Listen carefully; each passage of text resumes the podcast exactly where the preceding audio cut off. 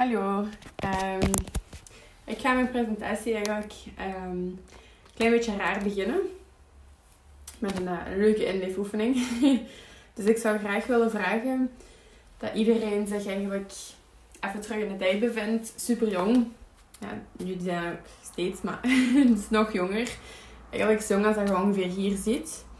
Dat is eigenlijk de leeftijd 3, 3 tot 5 jaar.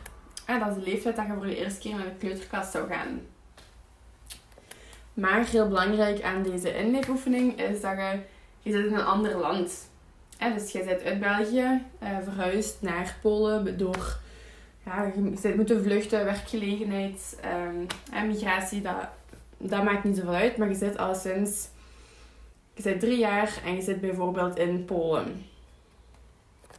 Um, maar je bent dus drie jaar, wat wil zeggen dat je voor de eerste keer naar de kleuterklas gaat moeten gaan. Je gaat je wereld, een stap in de wereld moeten zetten.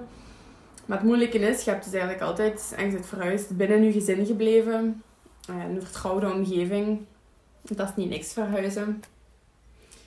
Maar aangezien je voor de eerste keer naar de kleuterklas gaat, komt er een eerste stap. Dat je ouders je gaan afzetten op school. Um, en de leerkracht gaat u meepakken in een verhaal. Um, maar de leerkracht gaat zo klinken.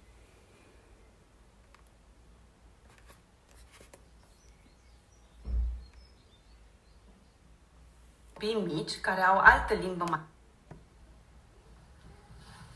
Bună dimineața!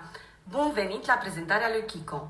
Kiko este acolo pentru copii mici care au altă limbă maternă decât olandeza, care intră în contact cu limba noastră pentru prima dată doar la grădiniță. Kiko vrea să-i ajute să stăpânească vocabularul de bază cât mai repede. Nu, ik ga ervan uitgaan allee, dat je misschien een paar woorden hebt verstaan, uh, maar dat je ook waarschijnlijk niet gaat weten welke taal het was.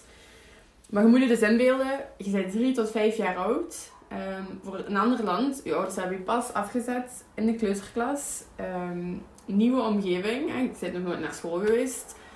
Nieuwe juf, nieuwe volwassenen, uh, nieuwe kinderen. En dan nog zonder in de taal. Dus je weet totaal niet wat er gebeurt. Wat vrij eng en een onveilig gevoel kan geven. Um, en dat onveilig gevoel dat kan dus komen uit bijvoorbeeld dat de juffrouw je gaat vragen. Na zo'n uitleg begint iedereen naar buiten te gaan. Maar jij weet dus niet wat er gezegd is.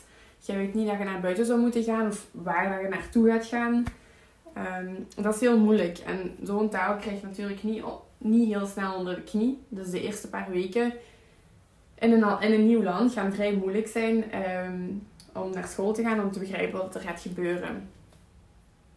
Nu, om dan de omslag te maken naar mijn thesis, uh, zoals jullie je eigenlijk zouden voelen in een ander land, zijn er hier in België uh, ook heel veel kinderen die dat nog steeds elke dag meemaken. Die hier in, in België voor de eerste keer naar de kleuterklas gaan komen. En de leerkracht klinkt net zoals uh, de opname zo net voor jullie heeft geklonken. Onverstaanbaar. Ja, dus dat, het probleem daarvan is niet, niet alleen dat die eerste weken op school verschrikkelijk moeilijk zijn, um, maar dat dat dus op lange termijn, dus dat is op korte termijn een probleem, maar op lange termijn gaat dat um, aan de kinderen hun, hun kansen verkleinen. Want op school, als je in het begin niet mee bent met de woordenschat-explosie die kleuters meemaken, gaat je achterstand oplopen met leren lezen, leren schrijven. Ja, waardoor ja, hoe dan ook je begint met een achterstand, dan is heel moeilijk in te halen. En die achterstand pak je mee naar de hogeschool, naar de, naar de arbeidsmarkt. Um, ja, dus dat, dat, is helemaal niet gemakkelijk. Dus dat is eigenlijk een beetje het probleem um, dat wordt aangehaald. En binnen mijn thesis dan um, heb ik mij afgevraagd hoe dat die kinderen dan in België, hoe kunnen die ondersteund worden, die opgroeien in een anderstalig gezin, om toch dat Nederlands goed onder de knie te krijgen. Als ze de overstap maken naar de kleuterklas, hoe kunnen we er wel voor zorgen dat die ondersteund worden en mee kunnen en die achterstand kunnen voorkomen. We komen eigenlijk op de productdefinitie. Um, de oplossing, dat is de Skiko. En wat je hier kan zien staan. Ja, wat is Kiko of wat doet Kiko? Uh, Kiko is eigenlijk de bedoeling dat het een product is dat de kinderen thuis gaat stimuleren om toch nog in contact te komen met het Nederlands naast de schooluren. Um, dat het Nederlands thuis ook wordt binnengehaald op een vertrouwde uh, en speelse manier, dus in de anderstalige thuisomgeving. Uh, Kiko dient dan als hefboom ehm, voor een persoonlijke maximale ontwikkeling en integratie eigenlijk op lange termijn. De belangrijkste drivers van Kiko is dat dat ten eerste zo spontaan mogelijk kan gebeuren. Dat je in contact komt met Nederlands. Uh, want dat is hoe dan ook niet simpel genoeg. Maar het is de bedoeling dat het aangenaam en spontaan uh, kan gebeuren. Dan tweede, uh, ook redelijk belangrijk. Hoe dat kinderen dan uiteindelijk het Nederlands gaan aanleren. Is dan aan de hand van contextcreatie. Daar staat Kiko voor. Kiko gaat ervoor zorgen dat een woord een betekenis krijgt aan de hand van de omgeving van dat woord en de, de context van dat woord. Dus je gaat niet zomaar um, boom kunnen zeggen zonder, of appel kunnen zeggen zonder een boom, een tuin. Ja, dus, en je ziet, daar moet een verhaal rond zitten, want een alleenstaand woon of woord, daar zijn kinderen niet niks mee. Dan als laatste, nog steeds een heel belangrijke driver, de derde, is de ondersteuning en dus zoals we hadden gezegd, die kleuters komen dan op school voor het eerste keer in contact met Nederlands. Maar dat is heel belangrijk dat die daarin ondersteund worden. Dat die begeleiding er is voor wanneer dat de kinderen daar de eerste keer mee in contact komen. Dat die woorden ook op de juiste manier worden, op de juiste manier worden geïntroduceerd. Uh, dat ze vanaf het begin mee zijn. dus daar dient die ondersteuning voor. we hebben nu deel gehad over dat Nederlands mee naar huis pakken en dat aanleren. Wat gaan ze dan precies leren, die kinderen? Um, ehm, 40 woorden. Die 40 woorden, um, noemen ze de Go40 bij het Go-onderwijs. Ze hebben die lijst opgesteld aan de hand van bepaalde lijsten. Ik heb ze hier opgesplitst in een aantal categorieën, namelijk objecten, um, zoals stoel, tafel, boekentas.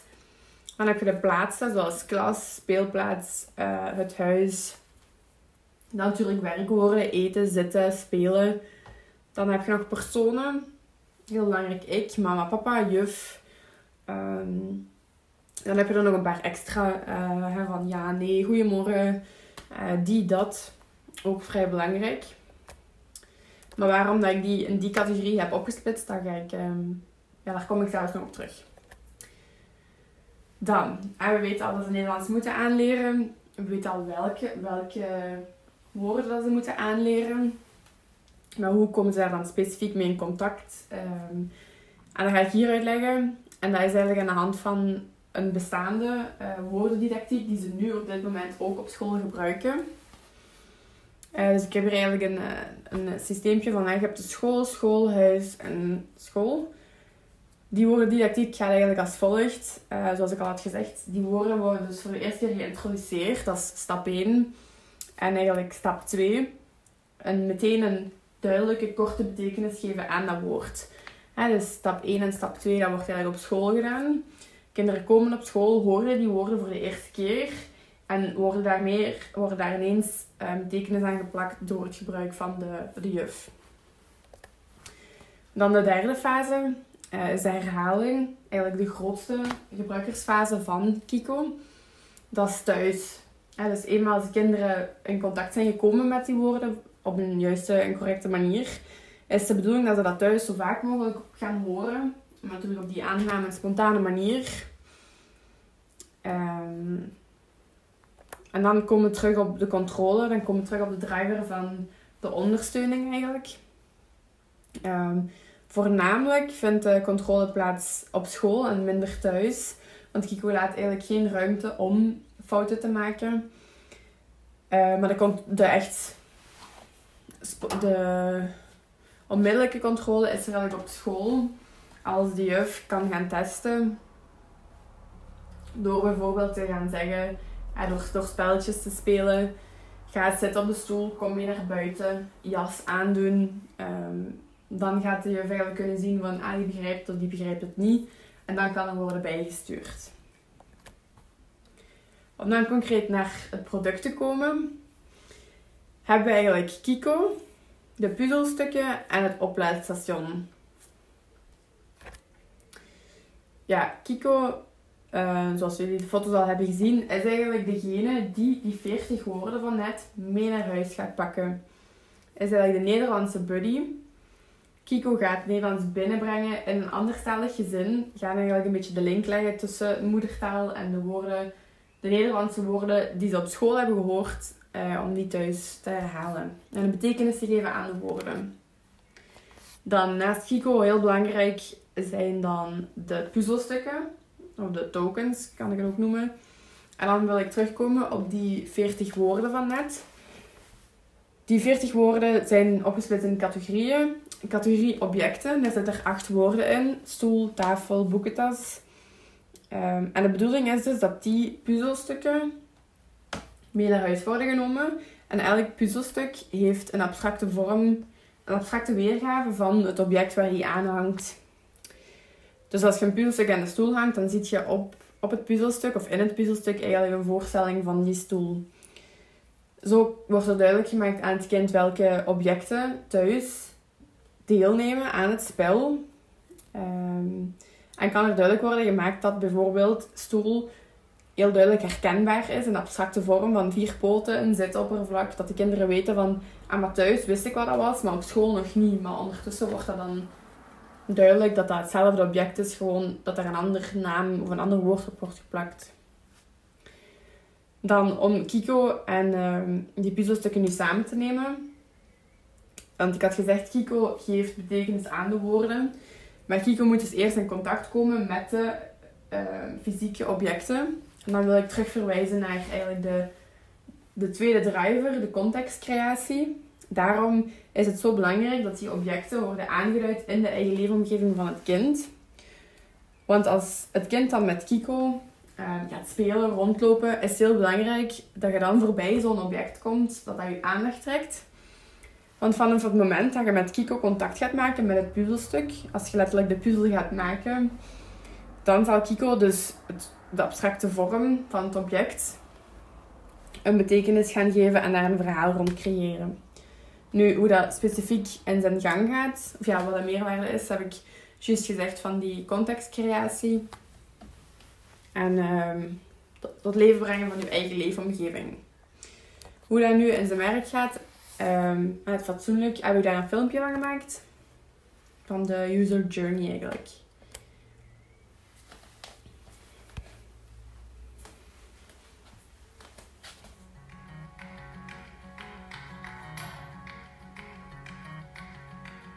Als Kiko wordt thuisgeleverd, of ouders pakken Kiko mee naar huis.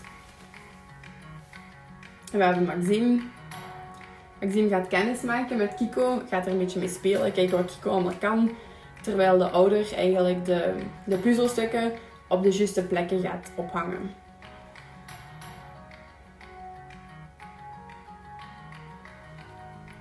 En eenmaal als alle acht objecten zoals stoel, tafel zijn opgehangen, kan Maxime dus eigenlijk gaan spelen met Kiko.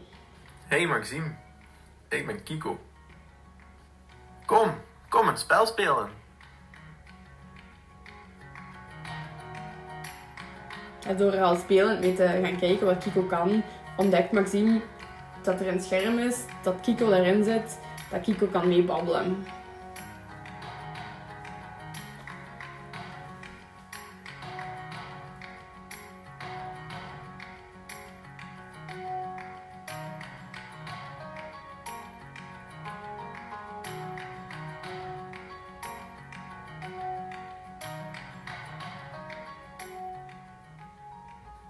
Ja, stoel.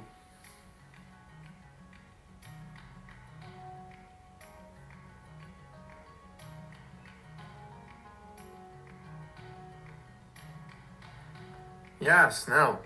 Hier is een stoel. Goed. Maxime, kom naar de stoel. Oh nee, een kat. Mag niet. Ja, goed. Ik zit op de stoel.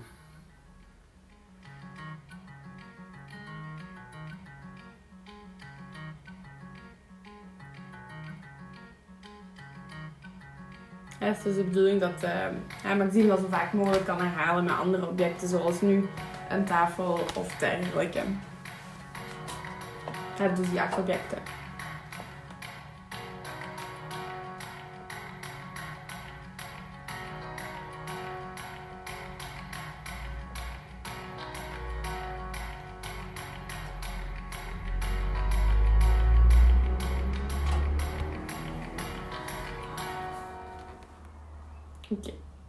Dat was dus ehm, de user journey. Eh, wat is het belangrijkste is dus eigenlijk, en wat ik op voorhand had gezegd, dat Maxime, vader uit de kinderen, ehm, als spelend heel spontaan in contact komen met eigenlijk de woorden die zijn aangeduid in de living, in de kamer, eh, buiten. Ehm, en dat de kinderen worden gestimuleerd door de filmpjes die zich afspelen, dat de kinderen zich kunnen inleven, dat, er, dat de kinderen kunnen zien wat er allemaal rond het object stoel, wat er rond het object tafel kan worden afgespeeld, um, waarvoor een tafel dient en dergelijke. Dat, dat, kind, dat het kind duidelijk weet van er is herkenning, want op school ga je ook aan tafel zitten. Of thuis doen we dit met een tafel. Ehm, en die animaties is de bedoeling dat dat zo vaak mogelijk verandert ook. Um, dat de kinderen dan niet beu gaan worden. Maar wat belangrijk is, is want hoe lang gebruiken de kinderen zo'n product nu? Het is eigenlijk de bedoeling dat, um, zoals je had gezien in het filmpje, dat de ouders het pakket van Kiko ontvangen via de school. En dat, het, dat de ouders het dan zo meepakken. Dus dat de school gaat kijken hoeveel anderstalige kinderen zijn er, wie hebben dat nodig. Dat de school dan Kiko gaat aankopen en gaat uitdelen of uitlenen aan de ouders. Dus de ouders ontvangen dat, installeren dat thuis, gebruiken dat. Um, nu, de Go40 is gezegd, als er intensief wordt ingezet op die 40 woorden, kan een kind dat op drie weken onder de knie krijgen. Nu is het niet de bedoeling dat er intens wordt op ingezet. Het is de bedoeling, zoals ik al had gezet, dat dat al spelend in de thuisomgeving uh, op een spontane manier kan, kan geleerd worden. Dus het is niet de bedoeling dat het kind daar thuis elk moment mee bezig zijn. Dus geven, en het kind moet er trouwens ook vertrouwd mee geraken met Kiko. Want die band is best belangrijk. Anders gaat het kind Kiko ook gewoon niet gebruiken. Dus daarom heb ik er een datum op geplakt van één semester. Um, ja, want die woorden dienen om de eerste week van start te kunnen gaan. Om die achterstand te kunnen voorkomen. Um, nu, waarom is dan zo belangrijk dat eigenlijk Kiko vanuit de school naar de gezinnen wordt gebracht? Ten eerste zodat de prijs van Kiko um, veel gemakkelijker is voor de ouders. Dat dat laagdrempelig is. Dat die aankoopprijs niet zo hoog moet liggen. Uh, maar buiten dat is heel belangrijk. Um, uit de gesprekken met ouders is gebleken dat de anderstalige ouders heel veel belang hechten aan contact met de leerkrachten. Ondanks dat de leerkrachten daar dan totaal anders over denken. Maar het probleem is dat de anderstalige ouders vaak de eerste stap niet durven zetten. Die, ja, met die taalbarrière is dat heel moeilijk dat ze zich niet kunnen uitdrukken. Um, dus hebben de leerkrachten nu al door dat het uiteindelijk aan hun is om die stap te zetten. Want de ouders staan er altijd aan, aan de schoolpoort, maar gaan nooit iets over zeggen. Dus het is aan de leerkracht eigenlijk om contact te nemen met die anderstalige gezinnen. Om persoonlijk contact te gaan um, veroorzaken.